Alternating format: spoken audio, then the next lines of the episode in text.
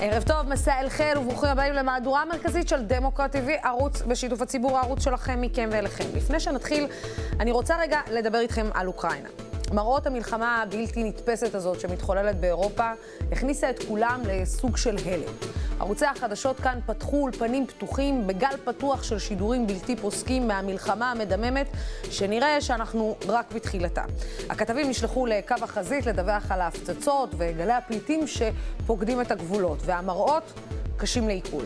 כן, זה, זה בלתי נתפס, כמו שכולם אומרים, שהדבר הזה קורה עכשיו בימינו אנו, בשנת 2022. שנייה רגע, תנו לי לחזור על המשפט האחרון שחוזר על עצמו נונסטופ. זה בלתי נתפס שבשנת 2022 אנחנו עדים למראות האלה. האומנם? לא, כי אולי חשוב לציין שבשנת 2020 נפתחה המלחמה באתיופיה, שדרך אגב נמשכת עד לרגע זה ממש. מלחמה שגבתה את חייהם, על פי דיווחים של יותר מ-9,000 בני אדם, מיליונים נעקרו מבתיהם, דיווחים על עינויים של גברים, ילדים, אונס של נשים, אבל מה אתם יודעים?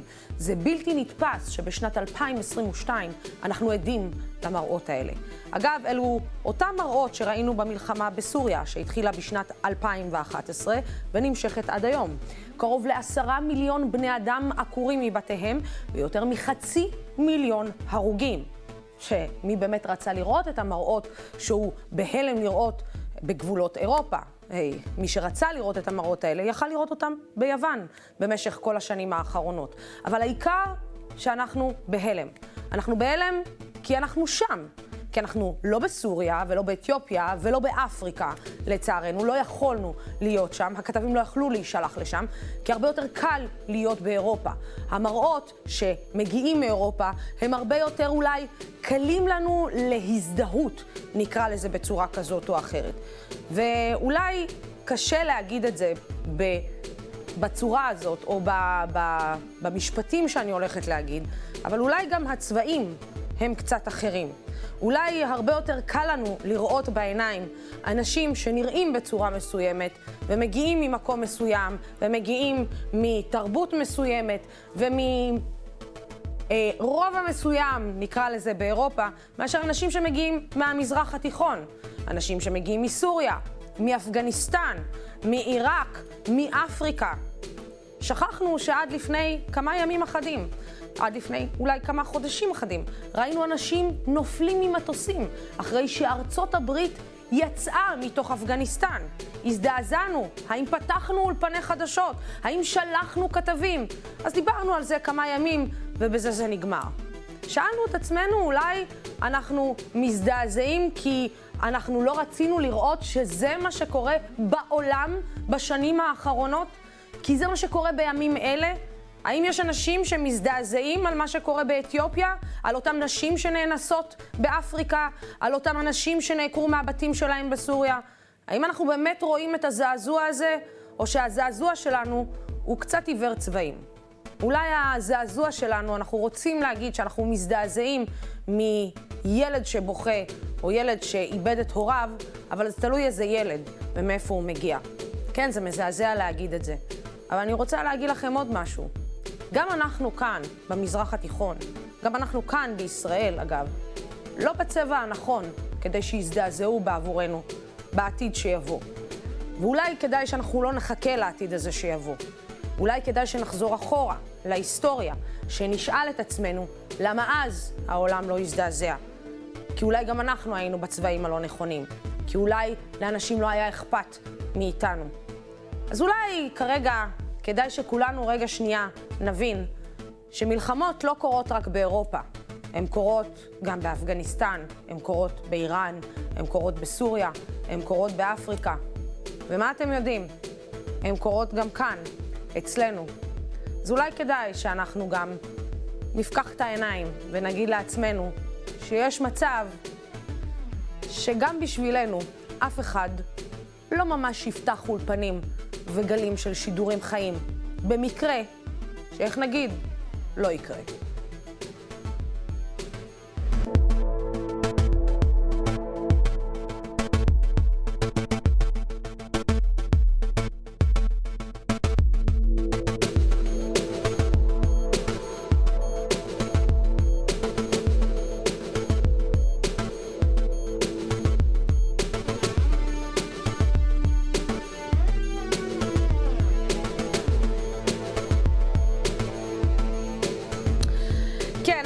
במהדורה המרכזית נמצא איתנו איש אה, מאוד מעניין לשמוע, חבר הכנסת אלי אבידר, אה, לשעבר אה, במפלגת ישראל ביתנו, והיום חבר כנסת עצמאי שבינתיים אומר שיצביע עם הממשלה. בינתיים. תכף אנחנו נשאל אותו גם מה לקח לו כל כך הרבה זמן להגיע לאולפן של דמוקרט TV, אבל אנחנו נתחשבן על זה אחר כך.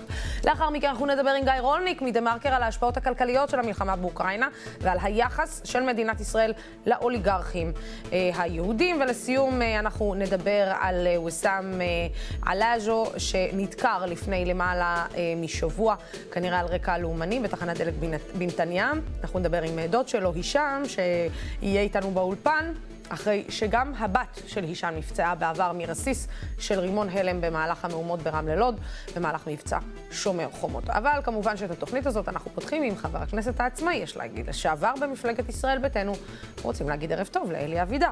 שלום, שלום. שלום, שלום. מרחבה. איך אומרים? אה, בוא נזכר יחד אה, במסיבת העיתונאים אה, שערכת לפני קצת פחות משבועיים. בוא נראה. בדיוק כפי שהתחייבתי מינויי לשר, לפני מספר דקות הגשתי את אה, מכתב התפטרותי מהממשלה. אמרתי מיד אחרי המינוי שאמשיך בתפקידי כל עוד יהיה תוכן, וכעת אני מקיים את ההבטחה שלי. בחודשים האחרונים בדקתי חמישה יעדים לאומיים שמדינת ישראל צריכה לבצע עד שנת 2030. התהליך הסתיים. כל מדינה שמכבדת את עצמה מתכננת 30 ו-40 שנים קדימה היעדים שבדקתי יבואו לידי ביטוי בהמשך, כשתהיה ממשלה שיודעת להתעלות מעל כיבוי שרפות ואלתורים. ההתפטרות הזאת מגיעה לפחות שלושה חודשים מאוחר מדי, מהרגע שהמינוי לשר המודיעין הפך ללא רלוונטי. התבקשתי להישאר, הציעו לי משרד, לבנות לי משרד וסירבתי מיד, הציעו לי תפקידים יוקרתיים ומתגמלים וסירבתי לכולם. לא באתי לפוליטיקה בשביל תפקידים מתגמלים, את זה אני יודע להשיג גם לבד. ההתפטרות שלי היום לא מפתיעה אף אחד. מדיניות הממשלה בחודשים האחרונים הפכה את ההישארות שלי בממשלה לבלתי נסבלת.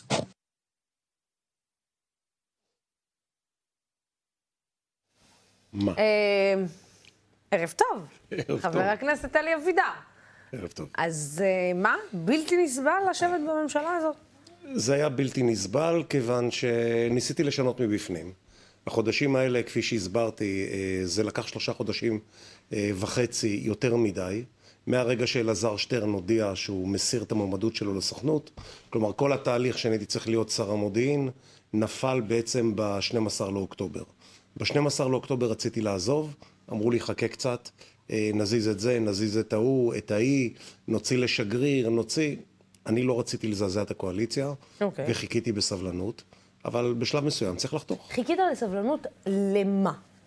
חיכיתי בסבלנות לשני דברים. א', אה, זו הייתה הפעם השנייה דרך אגב. אה, זו לא הפעם הראשונה שאני עוזב תפקיד שהוא אין לו משמעות. זו פעם שנייה תוך שמונה חודשים. בפעם הראשונה הרי הציעו לי להיות שר במשרד האוצר שאחראי על איזשהו ארגון בינלאומי, OECD, ואמרתי תודה רבה, לא צריך בשביל זה שר, ואני מעדיף להיות חבר כנסת. והפעם השנייה, אה, כאשר אני נמצא במשרה זמנית, אה, שאחראי על תכנון אסטרטגית, מה שהייתי צריך לעשות שם, שר סיימתי... שר ללא תיק בעצם. שר ללא תיק, אה, הציבור לא יודע, שר ללא תיק אין לו סמכויות. הוא מקבל תפקידים מהשר הממונה. אז מה זה, שר, שר של סתימת פיות? לא, זה לא שר של סתימת פיות. זה היה, תקשיבי, כשאני הייתי צריך להגיע למשרד המודיעין, כולם שאלו מה יש במשרד המודיעין. אני חשבתי ששלושה חודשים לפני משרד המודיעין אפשר ללכת ולעשות תכנון אסטרטגי ולבנות חמישה יעדים לאומיים שמדינת ישראל צריכה לקיים אותם עד שנת 2030 ואם אני אקח מתוך החמישה האלה יעד אחד או שניים, תאמיני לי, יהיה מספיק עבודה. Mm-hmm. וזה בדיוק היה הסיטואציה, אבל מעבר לזה, ברגע שלא היה את המעבר לשר המודיעין, אה, את יודעת, פוליטיקאי, אה, כל הזמן, הרי אתם אנשי התקשורת ונשות התקשורת, תמיד אוהבים להגיד מה אמרתי ואיך לא קיימתי. מה הפוליטיקאי אמר ואיך הוא עשה בדיוק ההפך. אז uh, אני אמרתי שאם לא יהיה תוכן בתפקיד, אני לא אשאר. ועמדתי בזה. Uh, ואני שמח. אתה יודע, אבל, אבל יש אנשים שיגידו עכשיו, מה, מה עכשיו אלי אבידר מתכנן לעשות? זה האגו הפגוע שלו. אגו. מה שאלי אבידר מתכנן לעשות, זה בעצם עכשיו אולי להפיל את הממשלה עד שהגיע בעצם ועשו שינוי, ונתניהו ירד מהשלטון, ועל כך הוא גם הלך והפגין, אז עכשיו אלי אבידר, בגלל שהוא לא קיבל את מה שהוא רצה, בעצם אה, יעשה הכל כדי להפיל את הדבר הזה, ואף אולי יחזיר את נתניהו לשלטון. זה שטות גמורה, כיוון שאם הייתי רוצה תפקיד, הייתי מקבל תפקיד. אם הייתי רוצה תפקיד, יום לפני השבעת הממשלה, הייתי מקבל תפקיד. איזה תפקיד? כל תפקיד שאני רוצה. אם הייתי אומר לפני השבעת הממשלה, אם אני לא אקבל אני אצביע נגד הממשלה, אז לא הייתה ממשלה. הייתי מקבל את הכל. יש כמה שרים ושרות שזה מה שהם אמרו יום ויומיים לפני השבעת הממשלה. אם אנחנו לא נקבל אחריות על זה ועל זה, אנחנו לא נצביע בעד. אני לא במשחק הזה. אני הייתי שנה וחצי ברחובות עם הרבה אנשים טובים ששותפים לדמוקרט TV, האנשים שתומכים בכם והם חלק מכם, הם היו איתנו בהפגנות במשך שנה וחצי כדי שתקום ממשלה. הסיפור שלי האישי הוא לא רלוונטי. כלומר, אני, זה פחות מעניין אותי, הסיפור הזה של תואר שר ובוטקה מחוץ לבית אה, שמוציא לי את הנשמה, אה, כל הדברים האלה באמת באמת לא מעניינים אותי. אז הדבר שעניין אותי זה קודם כל שיהיה תוכן. הדבר השני, מה אני הולך לעשות? אני הולך לעשות מה שהתחייבתי. אני הולך ליישם את אותם ערכים שדיברנו עליהם במשך שנה וחצי במחאה. אז זאת אומרת, אתה הולך להיות העצם בגרון של הממשלה הזו. כל הממשלה הזאת קמה על הכתפיים של אלה שהיו שנה וחצי ברחובות. אז אם אנחנו מבקשים שלושה דברים, זה העצם בגרון? מה, אנחנו צריכים לעשות רק מה שאיילת שקד רוצה? את חוק האזרחות ככה, חוק האזרחות אחרת? אנחנו כל פעם שאנחנו נעשה איזשהו משהו, הצד השמרני בממשלה ישר לוחץ אמברקס, והצד הליברלי ישר פוחד, אוי אוי. זה מה שאתה מרגיש שבעצם הש... הצד השמרני עושה את מה שהוא רוצה? זאת אומרת שאיילת שקד ונפתלי בנט עושים את כל מה שהם רוצים, מוסי. מקבלים את כל מה שהם רוצים, והצד הליברלי פשוט, מה? מרץ והעבודה, ואולי כחול לבן, ואולי אפילו יאיר לפיד מורידים את הראש ואומרים, רק שזה יישאר, רק שזה יישאר, שנעבור את השנתיים? לוסי, קודם כל, קחי בחשבון דבר כזה במדינת ישראל. הצד השמרני בפוליטיקה הישראלית עובד כל הזמן. מהבוקר עד הערב עובד מקדם סדר יום. מקדם סדר יום ברשויות המקומיות, מקדם סדר יום בתוך המשרדים שהוא אחראי עליהם, מקדם סדר יום. זה נכון גם לצד השמרני בתוך הממשלה שלנו. הצד הליברלי-דמוקרטי אלה יום אחרי הבחירות הולכים לישון. הולכים לישון, עושים סלפי. לא, הם בהלם שהם בשלטון? לא, הם סיימו את העבודה, עושים סלפי, התחלנו לעבוד, כל מיני סרטוני טיק טוק מגניבים. מתי מתעוררים? יום לפני הבחירות. יום לפני הבחירות מתחיל הגוואלד. אם לא תבחרו בי, ההוא יעלה. אם לא תבחרו בי, זה יעלה. רגע, רגע, רגע. אמר אבידר, אתה בעצם אומר שיאיר לפיד הלך לישון, שבני גנץ הלך לישון, שמרב מיכאלי הלכה לישון. אפשר להגיד? כן. אני אענה לך. אנחנו היינו באופוזיציה קודם, נכון? כמה את זוכרת אופוזיציה קשוחה הייתה? כמה היה שם באופוזיציה? לא היה. אופוזיציה הייתה שקטה. היו, אה, אני יודע מה, אה, היו כמה אנשים בוא נגיד שאני... שנתניהו מראה לא. גם לקואליציה בואי... איך אופוזיצ...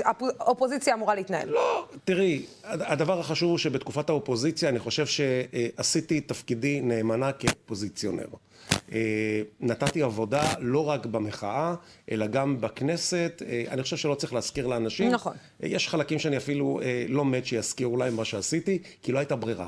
אופוזיציה שהייתה אז, הייתה אופוזיציה, נקרא לה עדינה. כל מיני נאומים של נתניהו, אנחנו משלמים על הכיסא שלך. אופוזיציה כזאת, הוא רוצה עוד מאה שנה. עכשיו, האופוזיציה הזאת הייתה 12 שנים באופוזיציה. היא יכלה להיות עוד 20 שנה. את יודעת מה השתנה? השתנה המחאה. המחאה הייתה לה אנרגיה אחרת. זה לא אנרגיה של המחנה הזה. אבל אני חייבת להגיד לך, אתה יודע, אני, אני חייבת להגיד לך משהו. גם אנשי המחאה היום, כאילו באים ואומרים, בסדר, זה עשינו, שינינו, זה המחיר שאנחנו צריכים לשלם עכשיו, העיקר שזה, צריך, לא את הכל אפשר לקבל. את יודעת מה? יופי שהעלית את זה. בואי אני אתן לך דוגמה. ועדת חקירה לצוללות. אני הייתי בממשלה שישה וחצי חודשים. כל הזמן שאלתי את החברים שלי, תגידו, אתה בעד הצוללות? נגד הצוללות? אז אמרו לי, בטח, אני בעד, אני בעד. אז אמרתי, אז אם כולם בעד, מי נגד? אז אמרו לי, בנט, בנט, שקד, ואז לוחשים לך באוזן, אה, תקשיב, זה יפרק את ימינה, זה יפרק את תקווה חדשה, לא צריך לזעזע את הקואליציה. היה שלב מסוים שראינו שזה לא יעבור.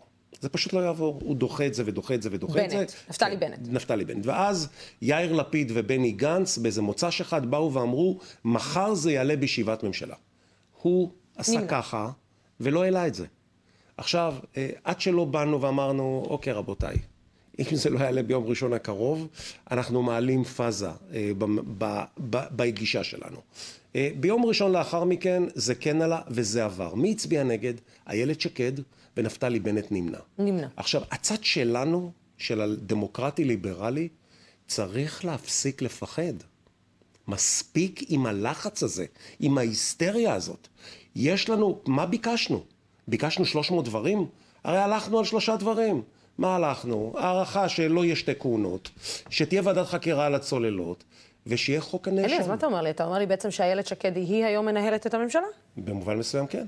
לא, זה, זה לא נפתלי בנט, זה איילת שקד. במובן מסוים כן, בחלק מהדברים, בוודאי שכן. את רואה, הצד השמרני מייצר כל שבוע, יש לך בין משבר לשלושה משברים כל שבוע. אז אתה בעצם אומר שאנחנו גם כנראה לא נלך לרוטציה בקצב הזה. אני אומר את הדבר הבא, תראי, אנחנו חייבים... כי רק, אני אשלים את המשפט, רק כי, כי בעצם העניין של הרוטציה, אנשים בכלל מפחדים מבני גנץ שלא יקיים את הרוטציה. שזה יגיע ל, ל, לשעת השין, ואז בני גנץ, בגלל האגו, או יאיר לפיד ויחסים, ו... ו... ו... יבוא ויגיד, לא, לא, לא, אני לא רוצה, אני לא, לא, אני יוצא מהסיפור הזה. אתה בכלל אומר שזה לא הסיפור. לא, אני- נפתלי בנט הוא הסיפור, והוא לא יקיים את הרוטציה. אני רוצה לענות לך על השאלה הזאת, אני לא רוצה שנפספס אה, נקודה חשובה, כי בבקשה. אנחנו ברחנו ממנה. בבקשה. תראי, אה, נאשם בפלילים לא יכול להרכיב ממשלה. צעקנו את זה במשך שנה וחצי. הייתי שישה וחצי חודשים בממשלה, שאלתי מה קורה עם החוק הזה, לא, מה פתאום, יש התנגדות גדולה, יש התנגדות גדולה, ההוא לא, תקווה חדשה לא רוצה. מה תקווה חדשה לא רוצה? תקווה חדשה כן רוצה. אה, אחת מתקווה חדשה, מיכל שיר, חתומה על הצעת חוק שאני הגשתי ביום אה, שני האחרון. אז יש כל מיני דיסאינפורמציה, והפחד שלנו גורם לנו להגיד, טוב, אל תזיז את האונייה, אל תזיז את האונייה כדי שמשהו לא יתפרק. קודם כל, יוצאים עכשיו תכף, בשבוע הבא, לפגרה של חודשיים. אני חזרתי לכנסת ביום חמישי, לא אז, לשעבר, וביום שני, שלושה ימים אחרי זה, שמתי הצעת חוק. נאשם בפלילים לא יכול להרכיב ממשלה. עכשיו יש לי חודשיים בפגרה הזאת, אף אחד, תקשיבי טוב, מה אלי אבידר רוצה? אני אגיד לך מה אני רוצה. אני רוצה להיות עם העין על המטרה. Okay. אף אחד לא יגיד לי שהוא לא יודע מהחוק הזה, שלא התחילו לדבר על זה. יש לנו פגרה של חודשיים.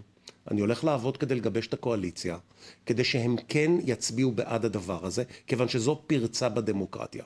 אני רוצה להזכיר לכולם ששכחו, לפני פחות משנתיים עמד ראש ממשלה נאשם בפלילים בבית המשפט המחוזי בירושלים, עמדו לידו תומכיו, שרים וחברי כנסת, ועשה את הפיגוע הגדול ביותר בשלטון החוק.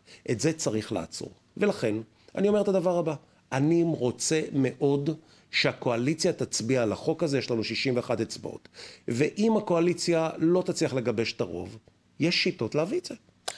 יש אנשים באופוזיציה שיכולים, יש שיטות להביא את זה. תשאירי לי את העניין הזה, אני אומר לך, אני לא ירפה מהדבר הזה, זה צריך לעבור. אוקיי, אז אחרי ש...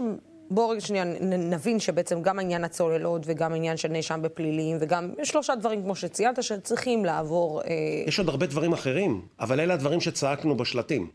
כלומר, זה לא יכול להיות שזה יהיה רק הנושאים של אה, אה, שקד וימינה אה, והצד הזה. ואני אגיד עוד דבר אחד, יש לך את הרוטציה.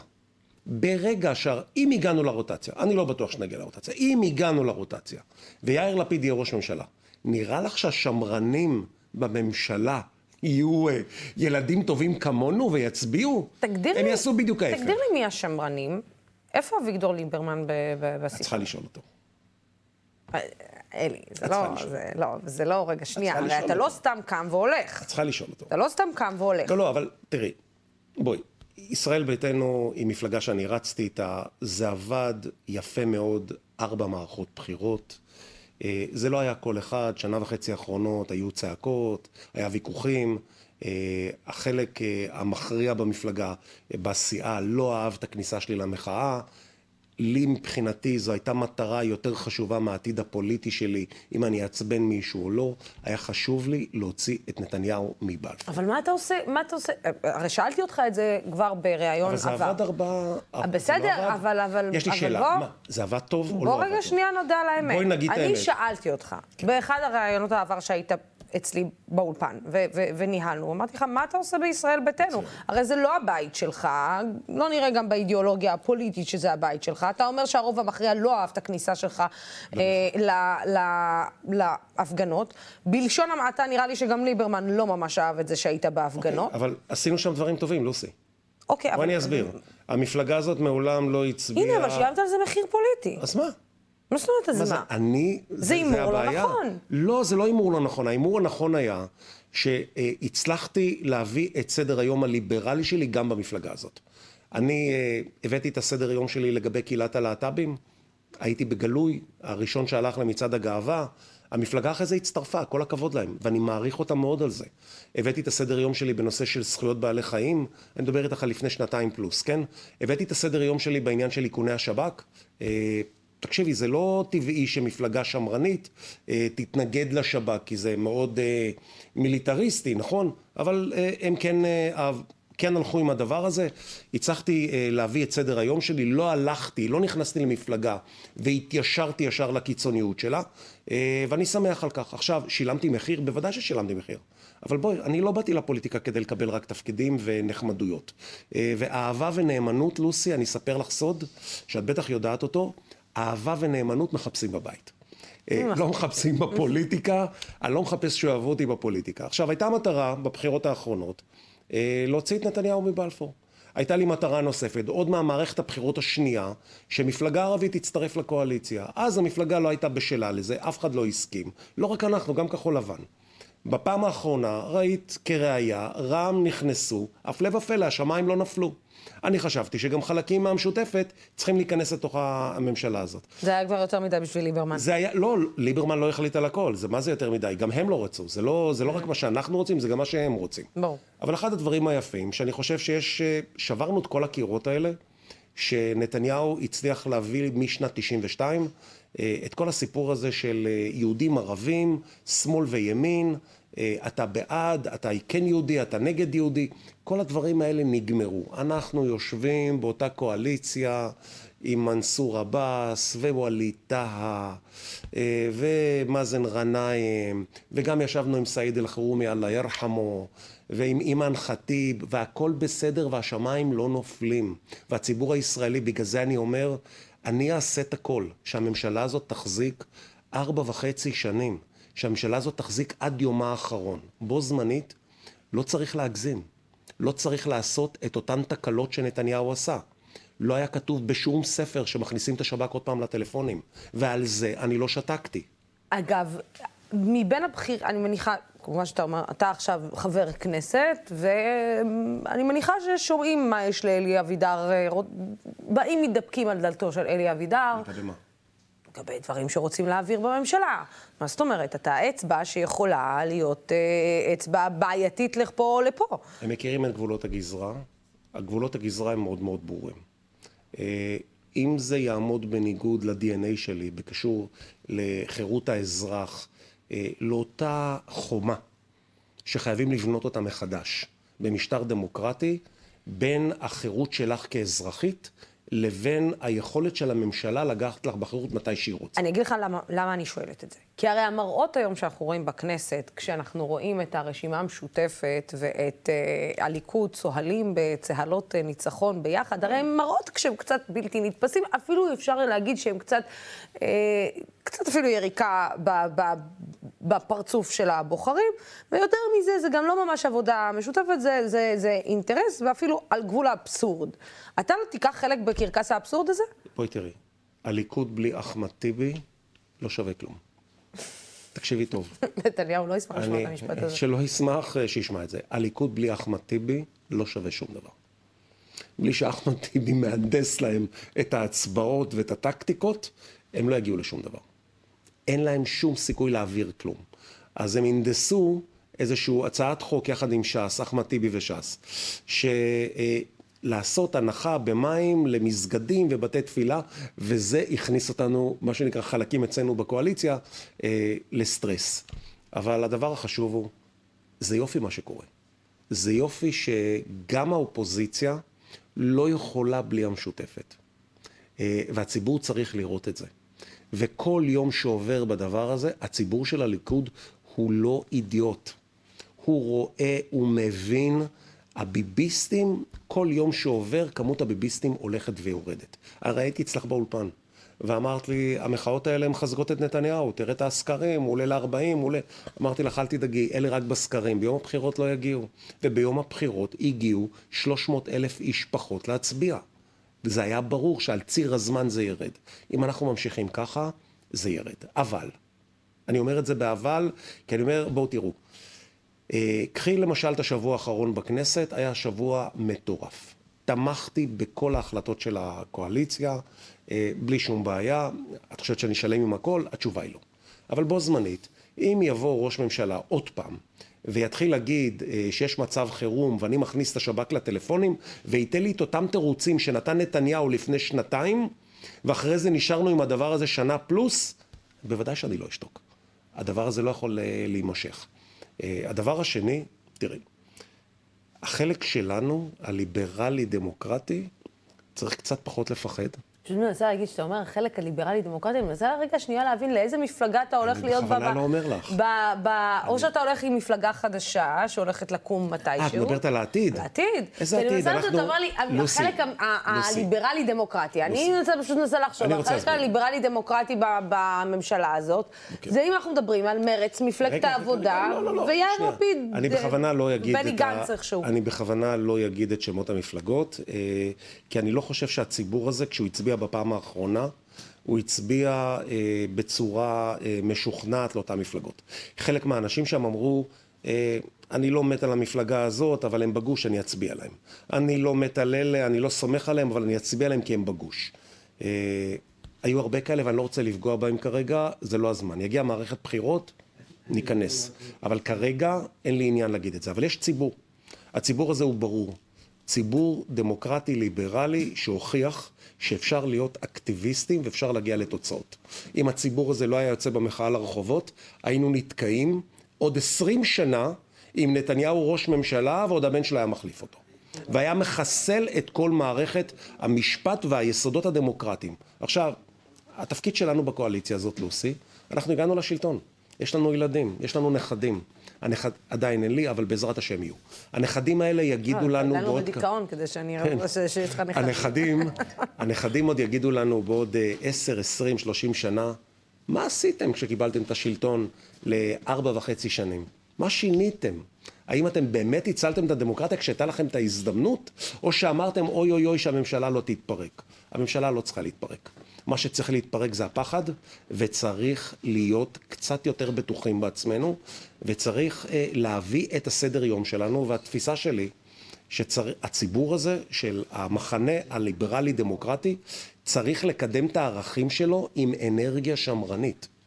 לא באנרגיה דמוקרטית שהולכת לישון אחרי הבחירות.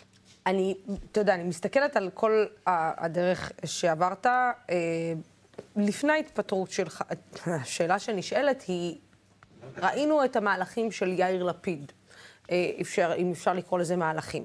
המהלך האחרון של יאיר לפיד, אה, למנות, אני לא רוצה להגיד לשלוח, אבל למנות את ריידה לסין. ואני מסתכלת ואני אומרת, את עדינה, אני רואה שאת... כן, הנה, אני, אתה, שנייה, אני, אני פשוט נמצא, השאלה היא, האם גם אותך רצו למנות, אה, הציעו לך מקומות אטרקטיביים, שהם לא צפון קוריאה או, או, או מקומות כאלו ואחרים, ואמרו לך, ובא אמר לך יאיר לפיד, אה, אדוני, אני מבין שלא ניתן לך, אני מבין שלא זה, אבל בוא, לך תייצג אותנו, היית דיפלומט אה, בהרבה מאוד מקומות, עשית עבודה נאמנה, בוא תלך תייצג אותנו נאמנה במקומות אטרקטיביים, שהם קצת יותר מסין. אני אה, לא רוצה להיות לא צנוע, אבל הייתי ראש נציגות לפני 23 שנים כמדומני, בשנת 1999. אה, הייתי ראש נציגות, קראו לי אה, בערבית סעתה ספיר. אה, אני יודע מה זה להיות, זה לא מרגש אותי. לא שזה לא חשוב, זה חשוב, אבל עשיתי את הפרק הדיפלומטי, הייתי שם כ-16 שנים, סיימתי עם זה. גם הציעו לי תפקידים כלכליים. ניהלתי את אחד הגופים הכלכליים הגדולים במשק, שילמתי המון מיסים למדינת ישראל, הייתי מאושר מההמון מיסים שאני משלם, גם זה לא מרגש אותי. לא באתי לפוליטיקה בשביל הדבר הזה. עכשיו, אני חשבתי שאני רוצה להיות בממשלה, כי אני נלחמתי שתקום ממשלה, אבל רציתי לעשות שם משהו עם משמעות. אז בפעם הראשונה זה היה שר אחראי על ה-OECD, אז אמרתי תודה רבה, ובפעם השנייה, שלא יצא שר למודיעין, אז אמרו לי, בוא נקים לך משרד. בוא ניתן לך קצת מפה, קצת משם. אמרתי, חבר'ה, נראה לכם שאני אה, מחפש את התואר הזה שר? זה לא מרגש אותי. עכשיו, יכול להיות שהם לא האמינו שיגיע הרגע שבו אני אתפטר. יכול להיות. כי קשה לאנשים לעזוב את התואר ו... ושכולם אה, קוראים לך השר. אותי זה מה זה לא מעניין. אז עשרה ימים לפני ההתפטרות נפגשתי עם יאיר. אה, והוא רצה לתת לי עוד איזשהו אה, פרויקט, לעשות אותו, שלא היה משנה במהות את התפקיד שלי. תפקיד חשוב, אבל זה לא היה משנה את המצב. ולכן אה, אמרתי לו, אה, תשמע, זה לא יימשך לאורך זמן. אני יודע שאני אומר את זה הרבה זמן, כבר שלושה וחצי חודשים, אבל אני מושך את הזמן בגלל שאתם מבקשים. אבל זה לא יימשך עוד הרבה זמן. אבל אתה יודע, במשא ומתן יש מה שאתה דורש ומה שהצד השני מבקש. ומה אתה דרשת? אני לא דרשתי כלום. אני אמרתי, אתם רוצים שאני אשאר, אני צריך לקבל משרד. משרד קיים, לא להמציא, לא להקים לי דיגיטל, סייבר וריקודי עם, לא להקים לי מים חמים, מים קרים ואקדמיה. זאת אומרת, לא. על, על חשבון מישהו אחר. לא, אז תקשיבי, לא, נכון, יש כמה שרים שיש להם ריבוי משרדים. אפשר היה לסדר את זה. הם לא הצליחו, זה בסדר גמור, לא קרה כלום. ולכן, אני, קודם כל חשוב להגיד, אני מאוד אוהב את הכנסת. אני, להבדיל מהרבה אנשים אה, שיושבים איתי בכנסת, אני חושב שבכנסת אני יודע להשפיע יותר טוב מאשר במשרד, אה, מאשר בממשלה. בממשלה אתה כל הזמן אה, דואג שלא לדבר, כי אוי אוי אוי, שר תקף את הממשלה, שר התפוצצה ישיבת הממשלה עם ויכוח של שר עם ראש הממשלה, הוא אפילו אמר לו מי אתה. תקשיב, זה, זה, זה, זה חדשות, זה פתח מהדורות. מי אני? אני יודע מי אני. אה, אל תכניס את השב"כ, אז לא תדע מי אני. אה, אבל הדבר המשמעותי כאן, תארים פחות מעניינים אותי, מה שעניין אותי זה לעמוד במילה. והדבר הכי חשוב, הציבור שלך, הציבור של דמוקרט TV, אם הוא רוצה לדעת מה אני אעשה, אני אמשיך לעשות מה שאני יודע לעשות. אני עם עיניים על המטרה, התקופה הזאת היא תקופה שצריך למשוך אותה עד הסוף. בו זמנית צריך להשיג את המטרות שלנו. אנחנו לא נמצאים שם רק כדי לחבק את השמרנים, אנחנו נמצאים שם גם כדי להביא את הערכים שלנו, וכל עוד יש לנו זמן, ואף אחד לא יודע מתי הממשלה הזאת תיפול, צריך לקדם את הערכים שלנו, כי אחרי זה נבכה. אלי. ואני לא אוהד, אני, יש כמה קבוצות כדורגל, אני לא רוצה להעליב את אוהדי הפועל, שהם רגילים לבכות לפני, לבכות אחרי, אני לא בעניין הזה. אלי. והנה את רואה, פגעתי באלקטורט שלי. אה, איך הייתה השיחה האחרונה שלך עם ליברמן? אנחנו מדברים, תראי, זה לא ילדים בכיתה ג', אנחנו uh, מדברים. Uh, תשמעי, זה... מה, מה שדבר, כאילו, שיח... לפני הרבה חודשים הייתה שיחה, שיחה ממש. ו? Uh, כשעבר תקציב. שיחה נעימה, אין שום בעיה. זה, זה... תקשיבי, אנחנו פוליטיקאים, פוליטיקאים זה סוג אחר. אה, גם אני לא מהנעלבים, זה לא... אני באמת, על מי כועסים? אה, את יודעת. אבל הוא לא כועס עליך? הוא לא, הוא לא לוקח דברים אישית? זאת אומרת, ליברמן, אנחנו יודעים שהוא לוקח דברים אישית. הוא לקח אישית את אריה דרעי, ולקח אישית גם את נתניהו, אוקיי. ול... הוא לוקח דברים אישית. אוקיי, אז אני רוצה להגיד את הדבר הבא. לא רוצה להיות פרשן לענייני ליברמן, הסיפור הזה מאחוריי. אבל אתה ישבת, אבל אתה ישבת בתוך אה, ישראל ביתנו, זה קצת לא פייר לבוא ולהגיד את זה. אז אני אומר את הדבר הבא, אני לא רוצה להיות פרשן לענייני ליברמן. אה, אם הוא לוקח את זה אישית או לא לוקח את זה אישית, קצת, אני מתנצל, אני לא רוצה לפגוע, קצת פחות מעניין אותי. אה, אני הייתי מאוד ברור, גם כשהוא הציע לי את התפקיד בפעם הראשונה, אז אמרתי לו, אם אתה רוצה באמת להציע לי תפקיד של שר, אז בשביל מה אתה תוקע שני משרדים אצל שר אחד, ולי אתה נותן להיות אחראי על ה-OECD? אם כוונתך באמת מהימנה אתה באמת רוצה לתת לי להיות אה, תפקיד של שר, ולא רק להשתיק אותי ולהכניס אותי, מה שנקרא, לפריזר, אז תן לי את אחד מאלה. אז הוא אמר לי, אני לא רוצה. אז אמרתי לו, מצוין, אני מבין מה אתה לא רוצה, בוא אני אגיד לך, גם אני לא רוצה את התפקיד הזה. ויתרתי. אז מה הוא ייעלב? על זה שאני ויתרתי על שר? נראה לי שמישהו אחר צריך להיעלב פה. על מה הוא יכעס? שאני ויתרתי על שר? נראה לי שמישהו אחר צריך לכעוס. וכשאתה וזה רוא... אני. ואגב, כשאתה רואה את ההתנהלות שלו היום כשר אוצר? לא פרשן לענייני ליברמן. אה, לא רגע, אבל הוא שר האוצר שלנו? בסדר גמור, תשאלי אותי על המצב של המדיניות הכלכלית, אני אגיד לך. מצב המדיניות הכלכלית, מר אלי אבידר. מעולה. האם אתה מרוצה מהמדיניות הכלכלית שמתווה שר האוצר, אביגדור ליברמן? אני חושב שיש כיוון נכון, הדבר שחסר שם זה אנושיות. ופקידי האוצר, הם מדברים על מדיניות כלכלית מתוך המחשבים שלהם. מתוך המסכים שלהם. זה אומר 94 אחוז מהמשק חזר לפעילות תקינה. אז מה? 94 אה, אחוז מהמשק אה, סגרו לו את החובות? 94 אחוז סגרו לו מה? סגרו לו את האוברדרפט? אני רואה את הסיטואציה. יש עצמאים שפשטו רגל, יש עצמאים שעל הברכיים. אתה צריך קצת אנושיות. יש הבדל בין פקידי אוצר לבין הממשלה, לבין הנבחרי ציבור. נבחרי ציבור צריכים להיות... זאת אומרת, אתה אומר, להיות... הרגע הזה שבו אה, שר האוצר יושב ושותה קפה בזמן שמישהי בעצם אה, בוכה ואומרת שהיא לא מצליחה לסיים את החודש, זה רגע של אטימות לב. לא, אני חושב שהאירוע הזה נראה לי טיפ-טיפה הזוי. גם אמרתי את זה לחבר שלי, מיכאל ביטון, עשית כיפה אדומה, יש לך מזל שאני לא הייתי השר אה, באותה ישיבה. שעתיים וחצי זה לא היה נמשך. אה, אבל אה, אני לא פרשן לענייני ליברמן ולרגישות שלו. אה, התמונה לא הייתה טובה. אני מכיר את צמרת, את אותה עצמאית, אני מכיר אותה, היא באמת על הקרשים. היא יועצת במועצות מקומיות והיא עובדת, ופשוט ביום אחד, מאז האומיקרון בדצמבר, פשוט חתכו לה את כל החוזים וסגרו לה את העבודה, וכשהיא בוכה, היא בוכה באמת. אני מכיר באופן אישי. אתה יודע, המדינה תבוא ותגיד, אנחנו לא באמת, אה, סליחה, עם כל הכבוד, אנחנו לא באמת עשינו סגר. Okay. אוקיי. לא היה סגר. בוא, כולנו המשכנו לעבוד, כולנו יצאנו לעבוד. אתם הכנסתם את עצמכם לסגר בצורה כזאת או אחרת, וגם נדבקנו כולנו אחד אחרי השני, אז נאלצנו להיכנס לסגר. לוסי, אחד הדברים שאני רוצה להגיד, ואני יודע שחלק מהקהל שלך אומר, רק אל תזעזע את הקואליציה. יש לציבור של הצופים שלך מושג מה היה קורה אם אני הייתי באופוזיציה. כשמגיע ראש ממשלה ואומר, אל תיסעו לחו"ל, ואל תעשו זה, ואל תעשו פה, יש לך, יש לך מושג מה אני הייתי עושה? ואשתו נוסעת לחו"ל יום למחרת. לא רציתי להגיד את זה. Mm. יש לך מושג מה אני הייתי עושה? אנחנו קיבלנו טעימה. או מה החבר'ה שלנו היו עושים? אז זה ברור. אנחנו, המטרה שלנו, תראי, הממשלה הזאת... אז יש מן הצביעות, אתה אומר. הממשלה הזאת טובה לעם ישראל, צריך להמשיך להחזיק אותה בו זמנית. דיברת על הכלכלה, צריך רגישות. רגישות זה אומר שקודם כל הבנקים במצב שבו אה, הממשלה אומרת, אה, אל תיסעו לחו"ל, סוגרת את המדינות, מתחילה לעשות אה, צעדים, לא אומרת את המילה סגר, אבל בפועל, את יודעת כמה אירועי חנוכה בוטלו? כמה אירועים, כמה קייטרינגים זרקו את האוכל, כמה אנשים אה, ביטלו את ההזמנות שלהם. כמות עצומה של עסקים נהרסה בחנוכה, גם בלי להגיד את המילה סגר. הממשלה הייתה צריכה להגיד, דבר ראשון, קודם כל, אה, אומרת לבנקים, רבותיי, אל תסגרו את קווי האשראי. אנחנו ניתן לכם את הביטחונות. אל תחנקו את העצמאים. זה דבר ראשון. דבר שני, היה נורא חשוב שיהיה קצת פחות פאניקה. כי פאניקה הייתה לנו גם קודם. היה לנו ראש ממשלה. אני לא מבינה, היה לנו ראש לא ממשלה. מבינה אותך. למה את עדיין לא, לא מבינה? אני לא מבינה, כי אני לא מבינה אותך. קיבלת הזדמנות לשבת בתוך משרד האוצר, ועדיין אתה אומר לא. זאת אומרת, לעשות את הדברים האלה. לא, זה לא היה לעשות, זה לא לעשות את הדברים האלה. אם זה היה לעשות את הדברים האלה, זה היה משהו אחר. זה לא היה לעשות את הדברים האלה. זה היה להיות אחראי על ה-OECD, לנסוע לוועידות בינלאומיות. להיות וורקטוטי?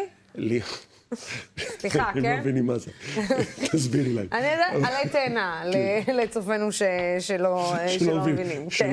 שלא בקיאים בשפה הערבית. אה, ללכת ל-OECD ולהגיד מדינת ישראל עלתה באחוז, ירדה באחוז, זה דבר נורא חשוב. גם סגן מנהל מחלקה במשרד האוצר יכול לעשות את זה, לא צריך בשביל זה שר, ולא צריך לשים לו בוטקוי ומאבטחים ובלבולי מוח ותארים. אחד הדברים שאני אומר שחשוב לי כל פעם להגיד, גם כשהייתי שר לוסי, לא פתחתי לשכה. אמרתי, זה תפקיד זמני. לא פתחתי לשכה, לא שכרתי שלושה יועצים, לא שכרתי ראש מטה רביעי, ואת הפגישות שלי עשיתי מאותו חדר שהיה לי בכנסת. אני חושב שבמצב של הכלכלה הנוכחית, גם אה, לנו, לנבחרי הציבור, צריך שתהיה לפחות איזושהי נראות של לעשות את הדבר הזה. עד כמה אתה הולך לשמור על משמעת קואליציונית, אם בכלל? עד הסוף, כאילו... למה לא? עד הסוף, אבל בו זמנית, אני אומר שוב פעם, אל תתחיל עכשיו, אה, כלומר, אני אומר לממשלה הזאת, כלומר לקואליציה, כאילו, אל תתחילו עכשיו להביא את כל השטויות שנתניהו הביא, שהוציאו אותנו לרחובות, תביאו אותם עוד פעם לחקיקה, ותגידו לנו שעכשיו זה חשוב, כי כשזה היה יולי אדלשטיין זה לא היה דמוקרטי, כשזה ניצן הורוביץ אז זה כן דמוקרטי, להפסיק עם השטויות האלה. אה, לבטל את כל הדברים שמגדירים מצבי חירום, כי אנחנו לא שם כרגע. אנחנו במצב ברוך השם בסדר, ויש לנו בעיות גדולות, ודיברת על אוקראינה בתחילת השיחה, אנחנו פה באתגר, המדינה לא ערוכה לקלוט עולים.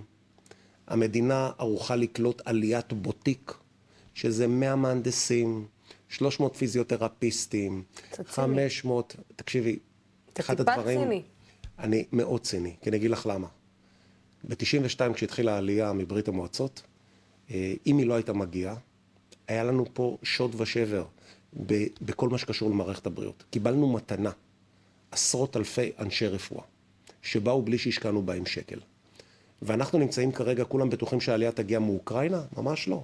רוסיה מתמודדת כלכלית. את הולכת לדבר עם גיא רולניק, אחד הפרשנים היותר חשובים. כן, הוא הבריז לנו בינתיים, אנחנו נסגור גם איתו כן, חשבון. אז תסגרו איתו חשבון. אז אם הוא לא מגיע, אז אני רק אגיד מילה לגבי הסוגיה הזאת. אה, רוסיה הולכת להתמודד כלכלית. הסינים תומכים בכלכלית. את יודעת מה זה תמיכה סינית? תמיכה סינית זה אומר שהם נותנים גוש ולוקחים שני גרוש במשאבי טבע. אנחנו יודעים את זה לפי אלי אקספרס, זה, זה כלכלת אלי אקספרס. עכשיו לוקחים שלנו, בשני כן. שקלים את כל משאבי הטבע. כל תמיכה שהסינים נותנים לרוסים ממשכנת את העתיד הכלכלי של רוסיה. הם עושים את זה גם באפריקה. אין חינם, רק היהודים לא נותנים חינם. אבל אה, אלי, אתה חושב שהמדיניות של ישראל אה, היא נכונה בכל מה שקשור לאי קליטת אה, פליטים אה, מאוקראינה? המדיניות שלנו היא נכונה ב... בלעשות את הקפיץ קפוץ שעשה אתמול אה, נפתלי בנט, בין אה, גרמניה לבין רוסיה לבין אוקראינה לבין לנסות לתווך, ולא להיכנס בין לבין, כי מה לעשות גם אנחנו בבין לבין הזה? שאלת שלוש שאלות. קודם כל על השליחות שלו, אני מאחל לו בהצלחה. אין לי מושג מה היה שם, אני לא יודע מה היו המטרות של הנסיעה. כשנבין, אה, נראה אם היה מוצלח או לא מוצלח. אבל אני מאחל לו בהצלחה. לנושא פליטים, אה, מדובר ב-15 או 10,000 פליטים, אפשר היה להכניס אותם. אה, בלי להיות קשים איתם ובלי לקחת את ה... יהודים או לא יהודים. נכון, פליטים זה פליטים. לקחת אותם ולשמור אותם, ובסיום המשבר להחזיר אותם חזרה. לא בטוח שהם ירצו להישאר פה. פליטים גם רוצים לעבור למדינות אחרות. לא, שישאלו את הפליטים אה, בדרום תל אביב, אם אה, נעים להם ונחמד להם. אה, ב- וזה, וזה לא ציניות? אני מאוד צינית. אבל הדבר, הדבר המשמעותי כאן זה הבלוק המרכזי, שלזה אין מענה. כמות העולים שיכולה להגיע, אנחנו הפסדנו עלייה כזאת בתחילת שנות ה-90, שכמעט מיליון אה, עולים פוטנציאליים הלכו לארצות הברית. אם החבר'ה האלה היו מגיעים, היה טוב לכולם במדינה הזאת. אה, טוויט, כל הרשתות שאת מכירה, וואטסאפ וזה, זה ילדים של חבר'ה שעברו משם. עכשיו, זה לא רק טוב ליהודים, זה גם טוב לערבים. אני אומר לך למה. כשהגיעה העלייה, אה, זה נותן אה, מכה כלכלית עצומה לשמיים. מה עדיף?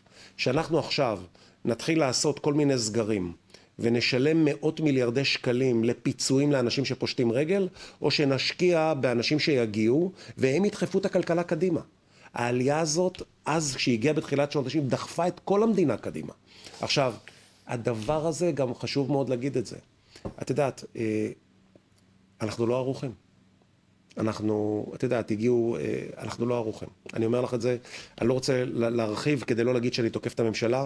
אחד מחמשת היעדים שאני בדקתי, זה הסיטואציה, האם מדינת ישראל ערוכה לקלוט מיליון עולים עד 2030. ואני אומר לך שאנחנו לא ערוכים, ואפשר לעשות המון דברים. יש גם לקלוט את העולים שנותרו באתיופיה ועושים להם בלאגן ולא, ולא מעלים אותם למדינת ישראל, שהם חד עדיין משמעית, מחכים ואני מתחבר, במלחמה. ואני מתחבר לכל מה שאמרת לגבי הצבעוניות אה, של המסכים. מתחבר לחלוטין. אני חושב שמרחנו שם זמן, הרבה יותר מדי זמן אה, באתיופיה, וצריך לסיים את הדבר הזה. ומדינת ישראל כרגע זה לא רק אוקראינה ורוסיה. אמריקה השתנתה. אמריקה שאחרי טראמפ היא אמריקה מפולגת עם גזענות, עם עליונות לבנה, עם ניאו-נאצים. אני אומר לך שלא כל האנשים שנמצאים שם שמחים, ואנחנו בתחרות.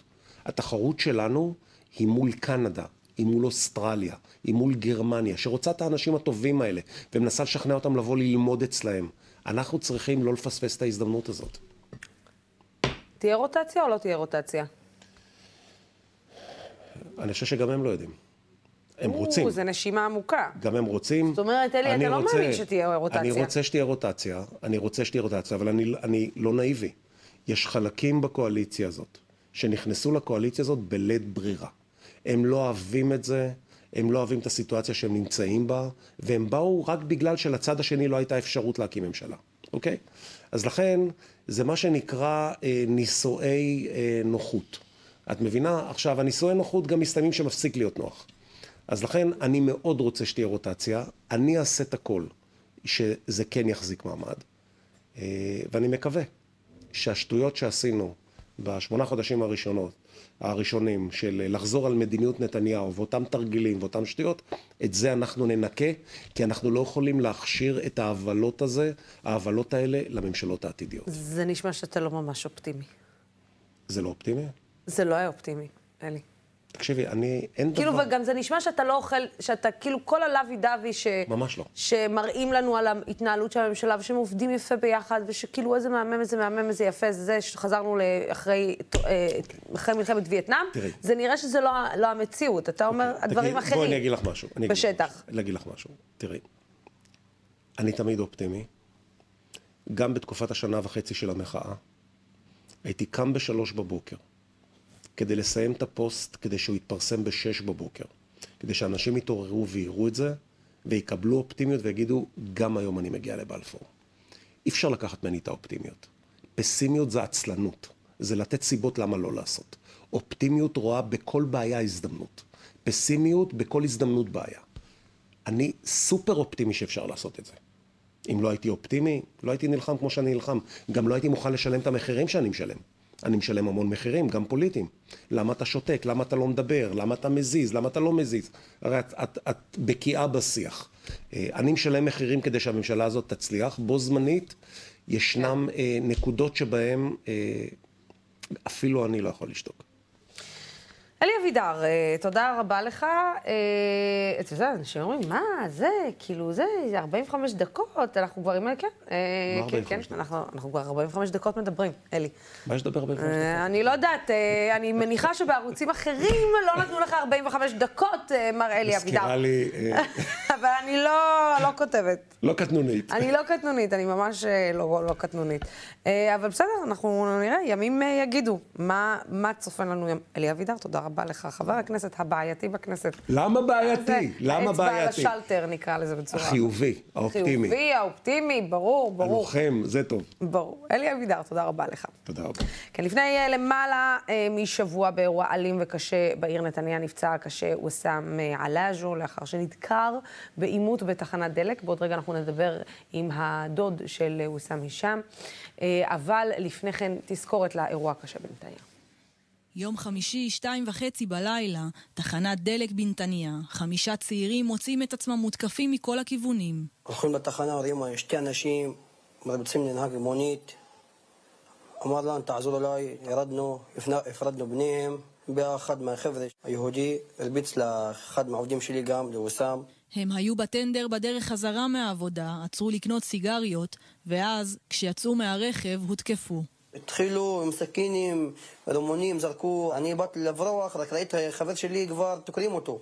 בתיעוד הזה שהגיע לידי חדשות 13, אפשר לראות שכמה מהם מצליחים לברוח, אבל עומרי וויסאם רואים שמנסים לגנוב את הרכב שלהם, שבו ציוד יקר, ומנסים להגן עליו, ובתגובה, התוקפים דוקרים אותם ומרססים לעברם גז פלפל. אחד מהחבר'ה נתן לי סכין בראש, אני ברחתי בפנים, לעזור לווסאם. הוא אומר לי, תעזור לי, תעזור לי, עומרי, תעזור לי, אל תעזוב אותי. וזהו, הפסיק לדבר.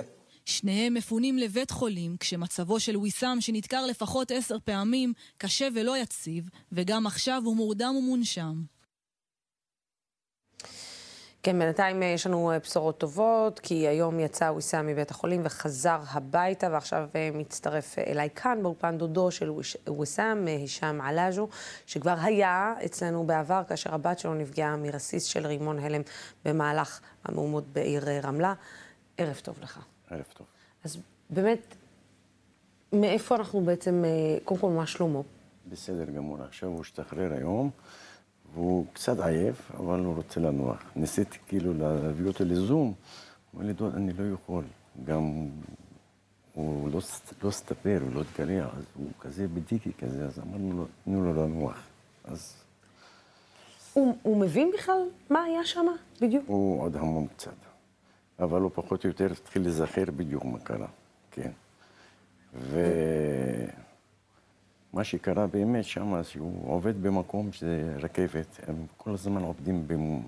פעם בנתניה, פעם בחדרה, פעם גדרה, איפה שיש רכבת, מי שעובד שם זה אנשים שאין להם כאילו לא עבר פלילי, אסור למישהו שיהיה לו עבר פלילי. הם צעירים, הוא אחרי בית ספר, הוא רוצה לאסוף קצת כסף. הוא כל יום מסיים את העבודה בשעה שתיים, שתיים וחצי, לפעמים בשלוש. הוא ובעל הבית שלו בשלוש פועלים בטנדר, עצרו תחנת דלק לקנות סיגריות. ומישהו זועק שם, נהג מונית זקן, מבוגר. אפילו הם לא ידעו שהוא היה ערבי. תצילו, תצילו, מרביצים לי, מרביצים לי. אז הם לא הפרידו, הם לא הרביצו להם אפילו, רק הפרידו. שני האנשים האלו כעסו פתאום על, ה... על השניים שהפרידו, והתקשרו לחברים שלהם, בואו שישמו אותו עם סכינים, כמו הרים, כל אחד עם הגופה שלו, רואים את זה בזה, והתחילו לדקור, לדקור. שם עצמו, קיבל עשר דקירות. דקירה בגרון, בידיים וליד הכליות, זה לא חדר לכליות, ובריאות, ואיבד את ההכרה, באו המשטרה, והביאו אמבולנס, והבעל הבית שלו קיבל דקירה בראש, אבל היא לא חדרה כאילו, ועוד כמה מכות. והם פשוט דקרו והלכו. שבוע שלם. המשטרה לא, היה, לא באה, לא דיברה עם אף אחד מהמשפחה. שבוע שלם המשטרה לא מנהלת חקירה? לא, לא. לא שואלת לא אתכם? לא שואל, לא כלום. לא. השאלה הראשונה שלהם, שזה היום, אני חושב, יום רביעי או שלישי, וזה מיום שישי, והם באו לשאול, כאילו, כמה, אה, אם הוא רדום, או שהוא התעורר, או שכמה דקירות יש לו. זו השאלה. טוב, שאלו אם מישהו עצור, נעצר מישהו, אף אחד, הם לא יודעים, לא נתנו לנו פרטים, לא נתנו אינפורמציה, לא כלום. וזה מלחיץ, זה מאוד מלחיץ. כשקורה דבר כזה במדינת ישראל, כאילו, מה? מה, ילדים? זה בני עשרים. אבל אף אחד, אתה יודע, אני, אני מנסה לחשוב אם היה מדובר בצעירים יהודים שהיו עוברים תקיפה כזאת, זה בטוח היה מפורסם אחרי שנייה וחצי. בטח, יש שם הרבה מצלמות, הרבה מצלמות, בתחנת דלק יש מצלמות. בכל אורך הבריחה שלהם עם האוטו, כן, בכל הכבישים יש מצלמות. הם יכולים להגיע עד האוטו, איפה אפילו חנה ליד הבית.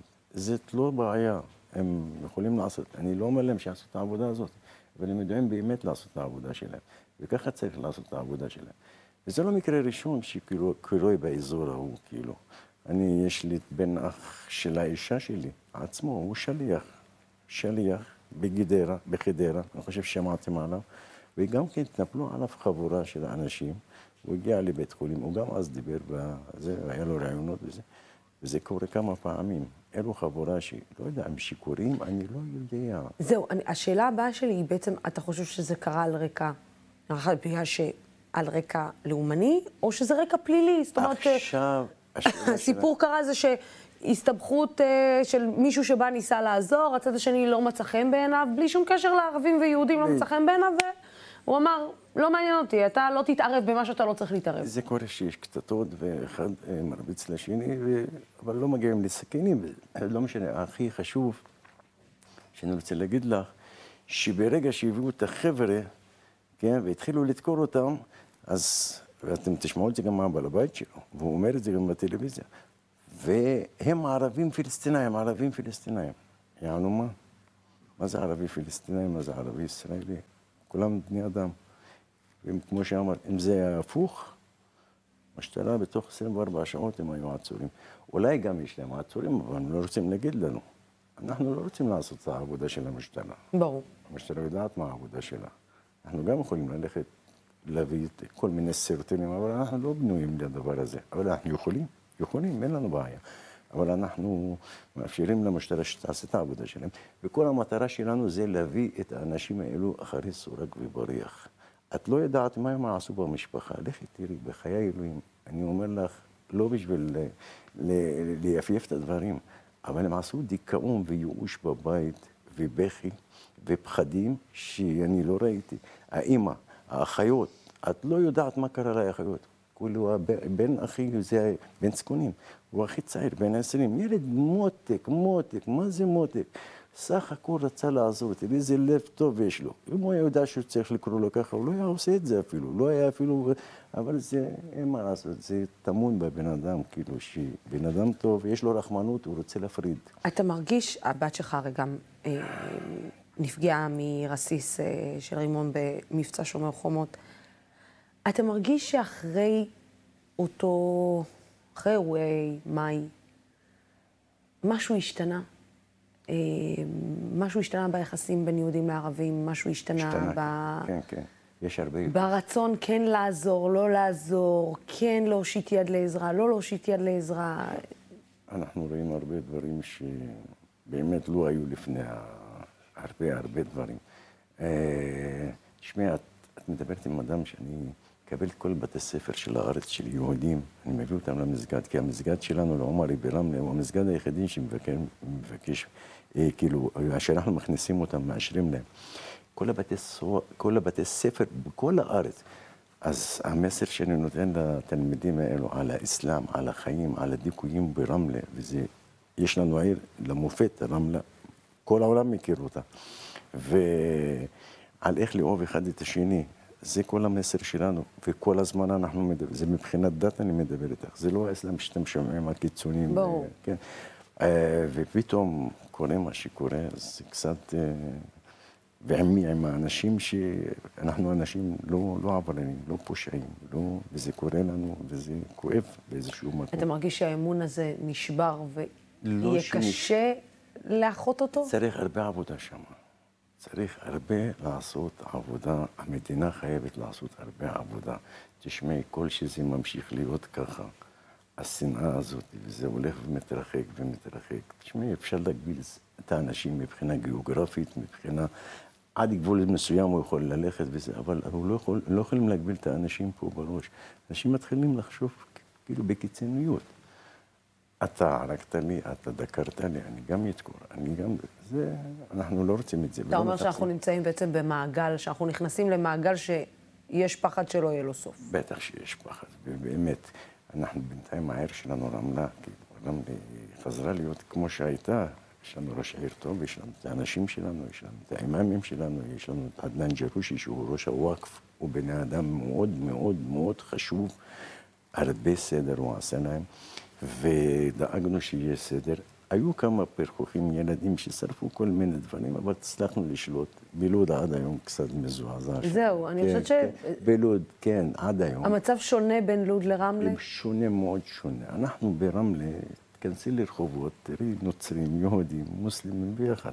יש בניינים, מוסלם, יהודי וערבי ונוצרי ביחד. בשוק, תכנסי לשוק, תראי כל הסוגים של האנשים.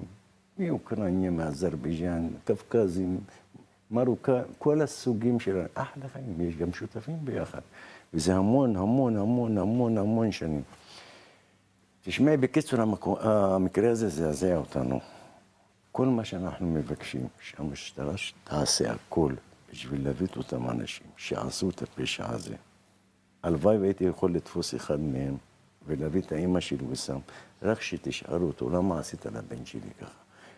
מה, מה, איזה פשע הוא עשה? הוא לא קילל יהודי, הוא לא דקר יהודי, הוא לא, הוא לא דקר לא ערבי, לא נוצרי. למה? למה ילד בן עשרים צריך להביא לו עשר דקירות? ריבונו של עולם, איזה... את יודעת מה? חלאת המין האנושי, סליחה שאני מדבר ככה, אבל זה תת רמה להגיע לרמה כזאת שעשר בחורים, שמונה בחורים, אני ספרתי, לבוא לילדים בני 20-21 ולדקור אותם עשר דקירות, וכל סכין סכין. בן אדם, את יודעת מה? הוא תפס סכין, יש לי פה תמונה שלו בוואטסאפ, עכשיו שלחו לי דקה לפני שניכנס לאולפן, הוא תפס את הסכין הזאת, אם הוא לא תפס, וזה הרס לו את היד, גם היד שלו שמאלית. את לא יודעת, אם הוא לא היה תופס את הסכין הזאת, איפה הייתה חודרת. עמדה בגבול של הכליה, נכנס לו בפנים סכין, בגבול של הכליה, בגבול של הריאות. פתחו לו פה, הכניסו צינורות בשביל למשוך לו את האוויר לבחוץ. מה? אני, כשאני חושב שאני חזק וזה, אני ראיתי אותו, אני דמעות, הלב שלי בכה. עזבי דמעות. אני נקרעתי בפנים. הוא לא בן אח שלי, הוא, הוא הבן שלי. אנחנו משפחה שלו, לא בעייתיים, ופתאום הוא בא וקורא לנו דבר כזה. לא תגידי שיש לנו מישהו ביטחוני, מישהו קיצוני, שהרג יהודים, או ש... תקשיבי, אין סתם ככה באמצע. סתם לבוא, שמונה אנשים עם סכינים, לדקור, לדקור, עם פלסטינים בשביל לעשות מהומה שם. לדקור ולברוח. כן, אנחנו רק נקווה שמשטרת ישראל בעניין הזה תעשה את העבודה שמוטלת עליה, כי אנחנו גם יודעים שכשמשטרת ישראל רוצה, היא יודעת להגיע בדיוק לאנשים שהיא רוצה להגיע אליהם. אז בואו נקווה שהיא תביע את אותה יעילות כמו שהיא מביעה במקרים אחרים. שם, תודה רבה, תמסור לווסאם החלמה מהירה מאיתנו, תודה רבה לכם, וכמובן שבשום צורה לא תצטרכו להתמודד עם דברים כאלה שוב. אי פעם, מחר ישראל פריי שוב יהיה איתכם, כמו בשבוע שעבר, בתוכנית בשידור חי מהכנסת, רגע לפני הפגרה. ביום שלישי אני אהיה איתכם שוב בתוכנית מיוחדת, לכבוד יום האישה הבינלאומי. בינתיים, אני אגיד תודה רבה לצופים ולשותפים של דמוקרט TV. התוכנית והערוץ הזה אפשרי רק בזכותכם ובזכותכם. בימים כמו אלו הולכת ומתחדדת החשיבות של ערוץ תקשורת, שלא מפחד להביע עמדה נחרצת בעד הדמוקרטיה ובעד שלטון החוק, בעד המאבק בשחיתות ובעד מגוון של דעות. עוד לא הצטרפתם אלינו כשותפים, למה אתם מחכים? עכשיו תשלחו לינקים לכולם. בינתיים, סלמת.